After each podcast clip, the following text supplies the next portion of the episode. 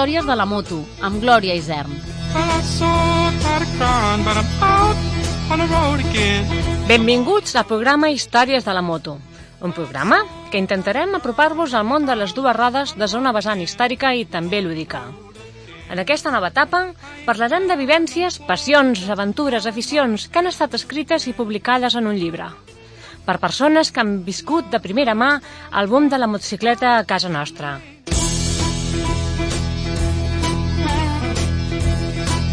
Esteu escoltant Històries de la moto, amb Glòria Isern. Ens acompanyen en Pere Pi, com ja el coneixeu d'una altra edició que va venir a fer-nos acostat i explicar-nos històries de quan era pilot de la moto, recordem que en Pere Pi és un empresari, antic pilot de motociclisme als anys 50 i 60, entre ells va ser campió d'Espanya de diferents modalitats de moto de muntanya. Del 54 al 60 va estar treballant a la Derby com a aprenent, com a pilot, participant en curses.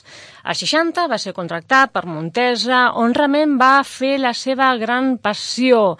Enginyer, va desenvolupar desenvolupar els models de moto de muntanya de cross, enduro, trial. I als 70, com és un cul inquieto, com diem, va crear la modalitat de bicicleta back trial i va crear el 83 la marca de bicicletes Monty. També ens acompanya a nosaltres en Ramon Ferrer, amic de joventut d'en Pere. Va coincidir amb ell quan treballava a la Derby, que de fet va treballar fins a l'any 62 en el Departament de Carreres i Muntatge. Va participar en curses del moment, cames, amb altres companys de Derby, i que actualment està recopilant documentació per continuar fent llibres de història de la Derby i pilots d'aquell moment. Benvinguts, Pere i Ramon. Hola. Hola.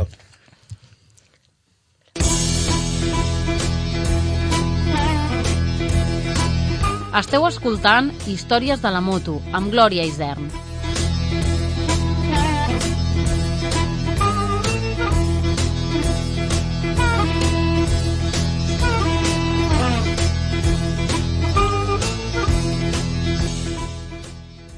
Hola, Pere Ramon, tal com jo us he presentat una mica la vostra trajectòria, evidentment el Pere té un volum molt més llarg en el món de la moto perquè el Ramon va estar uns anys després, quan va deixar de treballar a la Derby, ja es va desfer de, del món de la moto mm. i va continuar treballant també amb el ram de l'empresa tèxtil. Sí. Val. Pere, comencem per tu, perquè tinc aquí el llibre que, que va ser publicat ara ja fa un de temps, va ser l'any 2012? 12. 12, correcte. I és un llibre que el títol diu No tinc 200 anys. Per què vas titular aquest llibre de la teva llarga trajectòria dins el món de la moto i després el món de la bicicleta?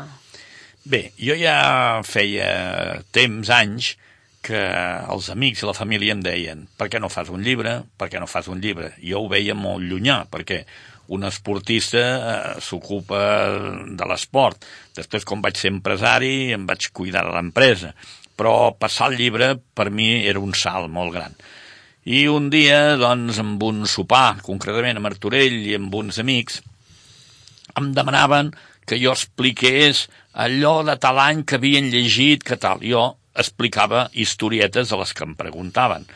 I el contestar-les, esclar, eren molt àmplies. Des de que jo era petit fins que jo era gran, molt gra ja que havia acabat l'esport. I amb això, un dels grans amics meus em diu sembla que tinguis 200 anys. Volien mm. dir de l'amplitud de les historietes que jo explicava. I a partir d'aquí jo li vaig dir, no, no tinc 200 anys, aquí ve el títol. Però jo a la vegada vaig dir, home, això que la gent té interès en preguntar-me, que jo contesti, què va passar aquell any a tal lloc, vaig dir, home, potser sí que podria fer el llibre. I vaig dir, faré un llibretó, unes memòries. Però, és clar, es van convertir amb que aquest llibre doncs, té 300 i pico de pàgines, 600 i pico de, de fotografies, i realment el títol és No tinc 200 anys i són les memòries de Pere Pi. Recordem que en Pere Pi, tal com us dit abans, va començar amb el món de la moto a l'any 54 i ja fins als 70 pràcticament va estar constant, constantment treballant el sector de la motocicleta fins que va, després va passar a la bicicleta amb la marca Monti, que va fer una mica el boom a nivell mundial amb l'esport, el back trial, que era com fer moto de trial però en bicicleta, no? treballant les cames, no? pedalant. Però no oblidem de que el Pere, en primera persona, ha viscut tota aquesta evolució de la marca espanyola, començant per Derby, en un moment que la Derby, com tots sabeu, va començar a fer moto petiteta, va començar a fer motos a més gran cilindrada, va participar en grans premis, en grans campionats, llavors aquí el Pere és quan comença com un noi aprenent que no sabia conduir moto perquè va aprendre dins a la fàbrica a conduir una moto, es va apuntar en gincames, que aquí el Ramon també va participar en gincames, que eren companys de, de Derby amb el Pere, però clar, va agafar després Montesa. Montesa recordo que als anys 70, 60 i escaig, 70, 80, érem els número 1 del món fent motos de muntanya, sobretot. I clar, el Pere, tot això, aquesta evolució, ho has viscut de primera mà. Penso que aquest llibre que has publicat amb el seu temps, si tothom teniu interès, que sapigueu que a través del Museu Isern us podem fer... Es venen aquests llibres. No recordem també una cosa que ens agrada molt, és que tingueu en compte tothom que el proper dia 9 i 10 i 11 de setembre es fa a Barcelona la primera Retromotor Barcelona, en què és un saló dedicat a la moto d'època i accessoris.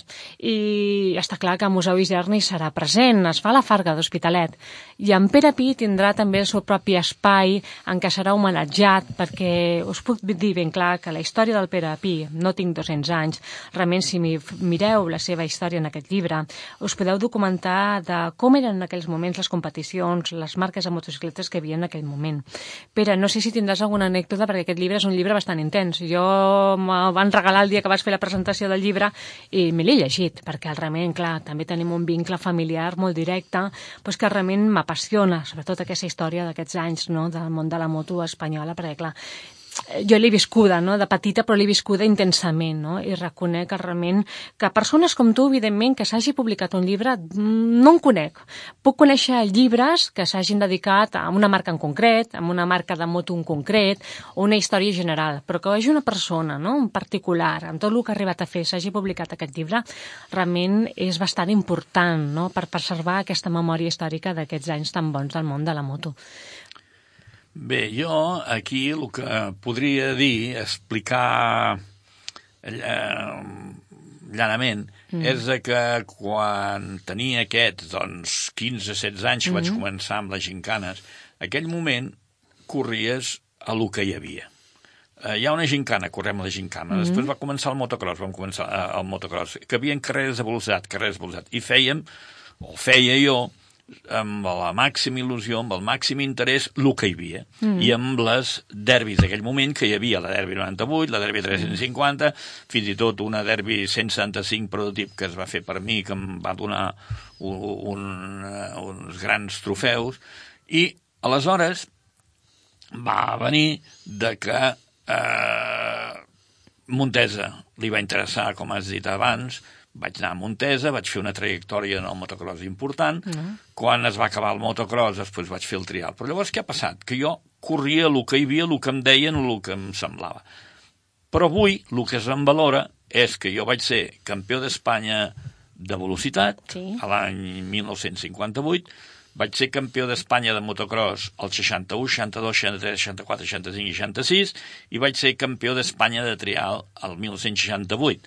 Clar, al ser de tres campionats diferents, que ningú ha estat fins al moment, això avui és el que se'm dona importància. importància. Concretament, aquests organitzadors del retro motor. motor Barcelona que es fa a l'Hospitalet van venir aquí a Catalunya, són uns gallecs, sí. uns organitzadors, van venir aquí a Catalunya i em van dir qui els hi havia dit, però jo no el coneixia de res, que li van dir aquí la persona que heu de connectar és el Pere Pi, que és campió d'Espanya de les tres especialitats. Aquests, doncs, els hi va uh, frapar aquest tema i es van connectar amb nosaltres, amb mi, i, en fi, encantats doncs, amb, amb aquesta cosa. Vol dir que la gent don importància a lo que jo en aquell moment no n'hi donava, que era córrer el que hi havia, però resulta que el que ha valgut és potser això, guanyar amb tres diferents especialitats. Molt bé, Pere, gràcies. Ramon, ara toca una miqueta tu. Aviam, el Ramon és molt diferent amb el Pere. Com el Pere sí que va haver una continuïtat després de la derbi amb Montesa i d'aquests projectes empresaris amb el món de la bicicleta que no para, el Ramon, de fet, quan va deixar la derbi, el món de la moto va desaparèixer de vista. Evidentment, evidentment. El que passa que amb els anys eh, es va tornar a retrobar amb el Pere. Eh, penseu que, clar, eh, el Ramon és un actiu col·laborador punyent perquè sempre està a sobre eh, del Museu Isern i gràcies a ell doncs, fem moltes activitats o busca molta informació. De fet, ve d'aquí eh, des de fa altres anys. Sí. Vas començar a fer aquesta recopilació d'històries, Sí. sobretot de, de la derbi. De la derbi, sí, de la derbi perquè, aviam, jo vaig plegar de, de la derbi l'any 62, però jo la moto m'ha tirat sempre. Jo des de que, perquè jo vaig entrar a treballar a la derbi perquè m'hi va fer entrar el Pere, perquè eh, la meva mare i la seva mare es coneixien, i la meva mare li va dir a la seva mare, diu, aviam si la, el seu fill pot fer entrar el, Ramon en allà, i el Pere em va fer entrar, i el Pere em va dir, diu, ara de moment tu entra, no fa, a fàbrica no fa falta ningú, però a carrers fa falta un nano, Diu, i, i tu entres allà i de moment ja estaràs a dintre, després ja en parlarem. Uh -huh. I efectivament vaig estar, fins que es van acabar les 24 hores, Sí. eh, vaig estar 6 mesos, i doncs ja em van passar a fàbrica. I vaig estar amb el senyor Torres, que era el banc de proves dels motors de 250 i 350. I pràcticament el senyor Torres no el veia jo, estava sol en allà, i estava molt bé. Uh, puc explicar una anècdota mentre estaven allà amb el senyor Torres Sí, sí. que com que a mi em sobrava temps el senyor Simón amb el Païssa li va dir que tenia, tenien que fer barques barques per anar a la platja Sí, perquè penseu que Derby també havia fet barques. sí, sí, Aquella sí, època sí, sí, sí. I, feien de tot, eh? de Vull dir, de qui tot, no de feia tot, de càmeres de tot. cinema o feia motors o jo què sé. de tot, de tot feia. Com jo, feia el que hi havia. sí, el que tocava en aquell moment. Sí. Ah, llavors, el, un dels dies va vindre el senyor Albert Pous i em va dir, diu, diu perquè a mi, a mi sempre em deia Florida. Diu, Florida, com estàs de feina? Dic, només tinc un motor, avui tinc un motor. I diu, espera't que vindrà el Ros i parlarà amb tu. I efectivament, cada un rato va vindre el Ros i em va dir, vés-te'n amb el Païssa, que anireu a Camprat, que a Camprat hi ha una bassa d'aigua per regar, hi havia una bassa d'aigua per regar els pagesos, Sí. diu, allà provareu la barca. Imagina't, Vale. amb una bassa. Sí, sí. Jo me'n vaig amb el país cap allà, posem la barca a dalt, a fillet meus. Quan, quan ja portàvem un, tres o quatre voltes, hi havia una escletxa que entrava aigua entre la barca. I el país em diu, diu, escolta, volta per aquí, ven si trobes una llauna, diu, i aniràs traient l'aigua. Sí, sí, vaig trobar, vaig trobar un pot de pintura d'aquells de la tinta Sí, Lux, sí. jo agafo el pot i cap dalt. Però què passava? Que cada, cada cop entrava més aigua. I el país començava, vinga, nano, vinga, nano, treu aigua. I jo em sembla que va arribar un moment que en vez de treure aigua encara n'hi posava. Perquè em vaig fotre nerviós, perquè com que no sabia nedar, vaig pensar, aquí t'ofegues, Ramon. No... Això que era una bassa, eh? Que Sí. no era mar obert. No, no, no era mar, mar obert, però mira, va ser una de les anècdotes de, de allà, com n'hi n'hi havia tantes. I llavors, eh, al cap de no sé quin temps, si un any o així, em van passar a la cadena de muntatge, amb el Pere Cornelles. I allà fins que va arribar el moment de que, eh, quan vaig tornar al servei militar, i ja vaig tindre aspiracions a casar-me eh, amb la meva dona, però trobava que no guanyava prou. Em va sortir una oportunitat, una fàbrica que s'estava muntant a la Florida, eh, del Ram Textil, i allà m'hi vaig tirar 25 anys, fins que van tancar. Val, però a mi, Ramon, el que m'agradaria més saber el per què això, no? Al cap de molts anys, mm, la moto, evidentment, no és el teu, perquè fins Sí. ara que no t'han regalat una moto antiga, no havies anat ni amb moto, això que quedi clar, perquè penseu que el Ramon corria amb gincames aquella època, Sí, que fer treballava unes a quantes, Derby, però no tenia llicència ni moto, vull dir que la moto te la deixaven, no? Me la deixaven i llavors corria les gincames que no eren federades. Ah, Com no ara tenies hi havia, hi havia clar. moltes de, de festa major que no demanaven el era la federació i, i, i per això jo corria amb aquestes gincames. Llavors, tornant una miqueta que, que, aquesta inquietud que tens, no? aquestes ganes de recopilar aquesta informació, tant de la derbi, també he parlat dels antics pilots, Sí. no? que inclús, eh, tal com explicaves, a, a l'hora de, de, de recollir aquesta documentació has entrat en contacte amb aquests pilots dels anys 50-60, entre Sí. en Pere, Sí. recuperar aquesta amistat del Sí. Pere, perquè després de molts anys que us havíeu perdut les pistes, gràcies a això us heu tornat a trobar, Sí. us heu tornat a trobar gent, pilots d'aquelles èpoques, que potser amb els anys cadascú fa la seva vida i perdeu el contacte. Però aquestes, què és el que sents? Sí, Tu mira. Quina necessitat tens de recollir tota aquesta Mira, documentació? t'haig de dir una cosa. Aquest àlbum que he fet jo de fotos, molta culpa la té el Pere Pi. Perquè el, quan vam retornar a retrobar, em va dir que feia el llibre aquest. Eh, em vas Jo- picar. Eh? Em vas picar. Em vaig picar. No, no em vaig picar. Vaig pensar, cony, i per què no podia... Perquè jo sóc una persona que no, no sé estar a casa sense fer res. Eh? I, i m'han de motivar les coses per fer-les. I vaig pensar, i per què no es pot fer un àlbum amb els expilots que es veuen que, que, que es torni... I així vaig començar amb el Pere, vaig al Toni Palau, i com que vaig veure que, que, que, que m'apoyaven, o sigui, que em deixaven fotos per posar això, ja vaig començar amb el Jaume Garriga, i fins que em vaig anar engrescant, vaig anar engrescant, i com que tothom va col·laborar, tothom, a tothom que li demanava, doncs vaig fer aquest àlbum. No em pensava jo que agradés tant com la gent diu, eh? O sigui que jo, més aviat, això, eh, feia una cosa per mi. I per això jo vaig fer aquest àlbum i, i, i d'alguna manera pues, eh, estic content d'haver-lo fet perquè la gent pues, eh, pues, els agrada. Eh?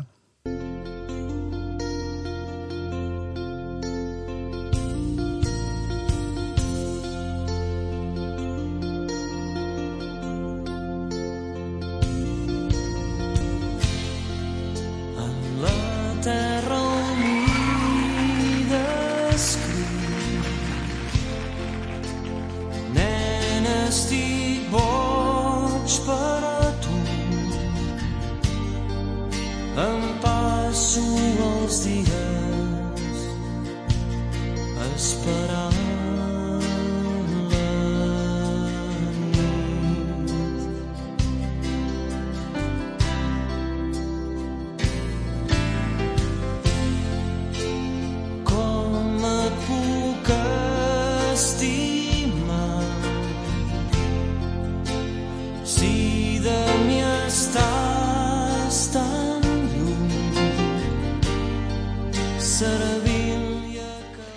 nois, hem deixat la cançó a mitges, Boig per tu. Aquí podíem relacionar-ho amb el Boig per tu per la moto, eh? una mica, perquè aquí, tots els que estem aquí i els oients també ens apassiona una cosa, que és la moto. Però bé, ara jo crec que és el moment de tornar a reincorporar-nos, deixar de somiar una miqueta amb aquells amors de joventut, potser, o aquells amors que ens han marcat, i tornar a parlar una miqueta d'en Pere i en Ramon, dues persones que es uneix una amistat de joventut, es uneix un fi que és la moto, de fet, el, com us explicava fa un moment, el Pere ha publicat un llibre No tinc 200 anys, que és un llibre que convido a tothom que el vulgui fullejar o comprar-lo. A Museu Isern podeu venir a buscar-ne, que en tindrem. I com no, en Ramon, en Ramon amb les seves recopilacions, que allà on va ell van els seus llibres. També, si un dia teniu curiositat de poder conèixer el Ramon o conèixer una miqueta la seva història, la seva documentació que ha anat recollint fins ara i la que està fent encara, també no patiu, passeu per Museu Isern, on quedem un dia o hora i tota aquesta informació, tot allò que necessiteu d'aquestes persones es teniu a mà perquè són unes bellíssimes i agradables persones. Ramon i Pere, ja us hi dirà floretes per tota la setmana, em sembla, I eh? tant, i tant. bueno, jo crec que ara és el moment, ja que som de Mollet i que vosaltres indirectament, a través de treballar a la Derbi, vivíeu a la Florida, teniu moltes històries a explicar dels anys 50, 60 de història de Mollet. Us he d'avisar que el Ramon és un perill, perquè té una memòria que a vegades el Pere comença a explicar coses i se'n despista a la meitat, ja ve a l'apuntador, que en aquest cas era el Ramon, dient Xep, això no era així, no, tenies això, feies allò. Penso que ara és el donar-vos una mica el vostre, el vostre moment de glòria, com diuen, de que pugueu explicar una miqueta, no sé, la vostra joventut, aquell moment, la moto, què era per vosaltres, no? que us va significar, no? Suposo que una mica una llibertat de conèixer món. Home, aviam, uh, fàcil. A la derbi fèiem totes les hores. Vull dir que engegàvem a les 8 del matí, mm -hmm. al migdia, que l'horari crec que s'ha mantingut fins als últims moments, era fins a dos quarts d'una, engegàvem a les dues i jo, com que estàvem amb el, Papi- amb el Papito Rabassa, mm -hmm. ens en anàvem a les 10 de la nit. Uf. Aleshores, també treballàvem el dissabte eh, fins al migdia. Això que diuen dels xinesos, doncs... No està inventat, ja fa anys. No, fa ja anys, fa que, temps. anys que ho fèiem aquí. Aleshores, li que jo, eh, amb aquests horaris, poca cosa podia fer extra. Mhm. Però, al migdia, com he dit, de 12.30 fins a, les 2, el Pepito arribava fins a les 4. Llavors és quan jo allà dins vaig aprendre amb moto, fins i tot ens escapàvem i pujàvem fins a, a dalt a, a la font de, Castanyers. dels castanyers, eh, fins anàvem a pujar a la conreria, vaig aprendre a anar amb, amb, amb la moto de velocitat de carretera que el Tombes em va ensenyar a traçar en aquella època. A la Font dels Castanyers això ja era quasi mm, una carrera a, a totes, A tope. a totes, i que d'allà va sortir tot el que jo tenia dins per poder guanyar les carreres següents. Explicaré de que la primera carrera de motocross que vaig participar Mm. i a la vegada la vaig guanyar va ser a Martorelles. Però el motocross d'aquell moment era un pilot darrere de l'altre, cada minut sortia amunt, no com és realment el motocross, que surten un al línia, costat de tots. l'altre en Mm. línia, i som, doncs, 30 o 38, ja s'havíem arribat a ser. Doncs allà, cada minut un. Jo corria amb una Derby 98, amb la mateixa de sèrie, amb la mateixa que anàvem a la Font dels Castanyers, i aleshores anàvem pels camins a per allà a, a Martorelles, Martorelles al mig, i aleshores eh, va i vaig fer el primer absolut, amb, davant de motos de Monteses de 125, d'una Roa de 250 i d'altres marques que hi havia i altres pilots. I allà va començar el tom meu, mm -hmm. però que torno a dir que jo feia el que tocava Sí.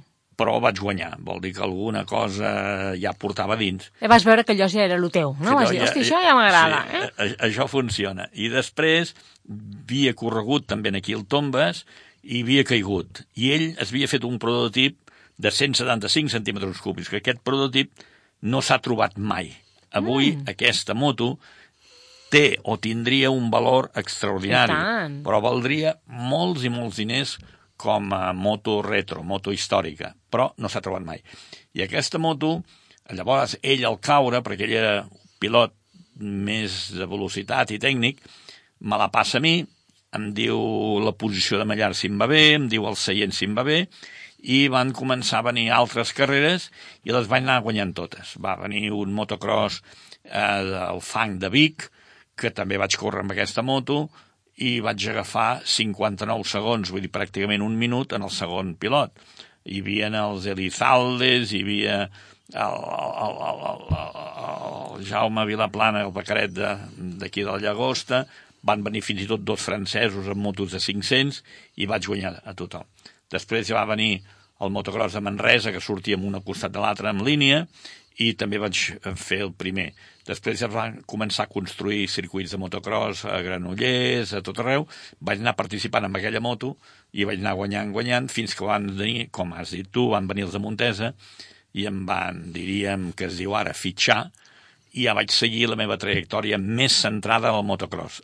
Poques altres coses corria. Montesa ja tenia mecànic, mànager, ja furgoneta, em portaven, ja era com un pilot mimat. Clar, és que també podem dir que llavors aquella època que ja començaves amb el món de la Montesa, als anys 60, i clar, el món de la competició a l'estat espanyol ja estava, ja estava fincat, diríem, no? I era, una, era important, no? A nivell estatal, nacional, suposo que era el mateix quan Derby va començar, o aquelles marques a principi, l'any 54, potser era una mica uns inicis de, de, de, de lo que seria després la competició. Sí, som pràcticament els fundadors, mm -hmm. perquè el primer motocross doncs, vaig participar, que sí, les primeres carreres de velocitat, quasi també, perquè mm -hmm. les carreres de velocitat, quan vaig quedar campió d'Espanya l'any 58, es feien a dintre de les localitats, no hi havia circuits, ni un. Ah, Feien, vaig fer una a Castelló, una a Burgos, l'altra a Sòria i l'altra a Tarragona, però era a dins del poble amb bales de palla que ens protegien de les faroles i de les parets. Dic que a, a, a, som als inicis i molta gent justament ens reconeix això, que molt de lo que avui hi ha uh -huh. és uh, gràcies en aquesta aquell plantejament que van fer en la nostra joventut. Ramon, eh, tu Digue'm. pràcticament el que és la, la carrera competitiva, com el Pere no l'has tinguda, No. però tu vas coincidir amb ell amb l'època de les gincames. Sí, sí. Eh, tenim poc temps, o ens agradaria que ens diguessis una miqueta aquesta trajectòria de que tu participaves en aquestes gincames. Sí. Eh, Bueno, jo, aviam, també de dir que jo no vaig córrer en carrera de velocitat i tot això, o sigui, no vaig... Perquè els Tenir temps, vas no, no, tenir no, temps, no, no, no? és que els meus pares no em van deixar treure el carnet de, de, de conduir. O sigui, el carnet no me'l van deixar treure. Ja per poc, com que sabia que anàvem, que anàvem amb ell sempre, eh, Ja teníem, por que, teníem por, i a mi no em van deixar treure el, el carnet. Aleshores, jo la, la, la trajectòria aquesta de la moto, la moto l'he portat sempre. Encara que em anés a treballar al ram textil, eh, a casa jo tenia, no amargats, però sí que tant la meva, la, la meva dona com la nena, eh, els diumenges que feien competicions del Campionat del Món, eh, no, només teníem una tele. I jo, aquell diumenge, la tele era per mi. Eh? I no veies. Allà, o sigui que jo la moto no l'he deixat mai. El que passa que amb el Pere, quan ens vam tornar a retrobar, Sí. doncs la cosa ja ha tornat a funcionar, i hem col·laborat amb el Museu Isern, eh? però a mi m'agrada, perquè hem tornat a trobar... La llàstima és que ens en falta un, Pere. Ens falta el Jaume. Eh? Ens falta el Jaume. Que el El Jaume, Jaume Torrents, no? el Jaume D'aquí Sant Torrents. Fos. Sí, sí. Jaume Torrents, no, de Sant Fos, d'aquí, Ah, de d'aquí Mollet? Mollet, d'aquí Mollet, Ah. sí. Jaume Torrents, que anàvem... Cal- Cal sempre, Va. sí, que ens anàvem sempre junts. Més anàvem amb el Jaume i jo que no pas amb ell, perquè ell sempre estava corrent els caps de setmana cap aquí, cap allà, i...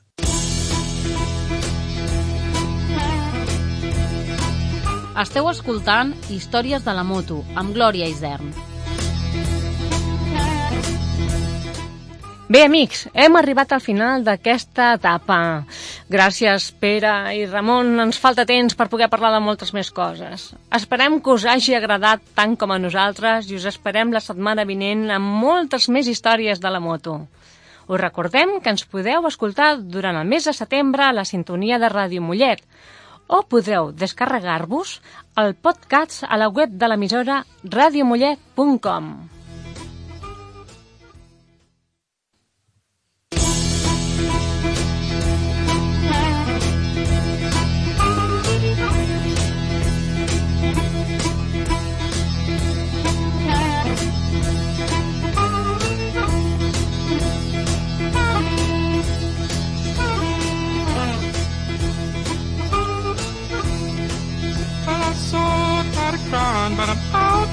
on the road again.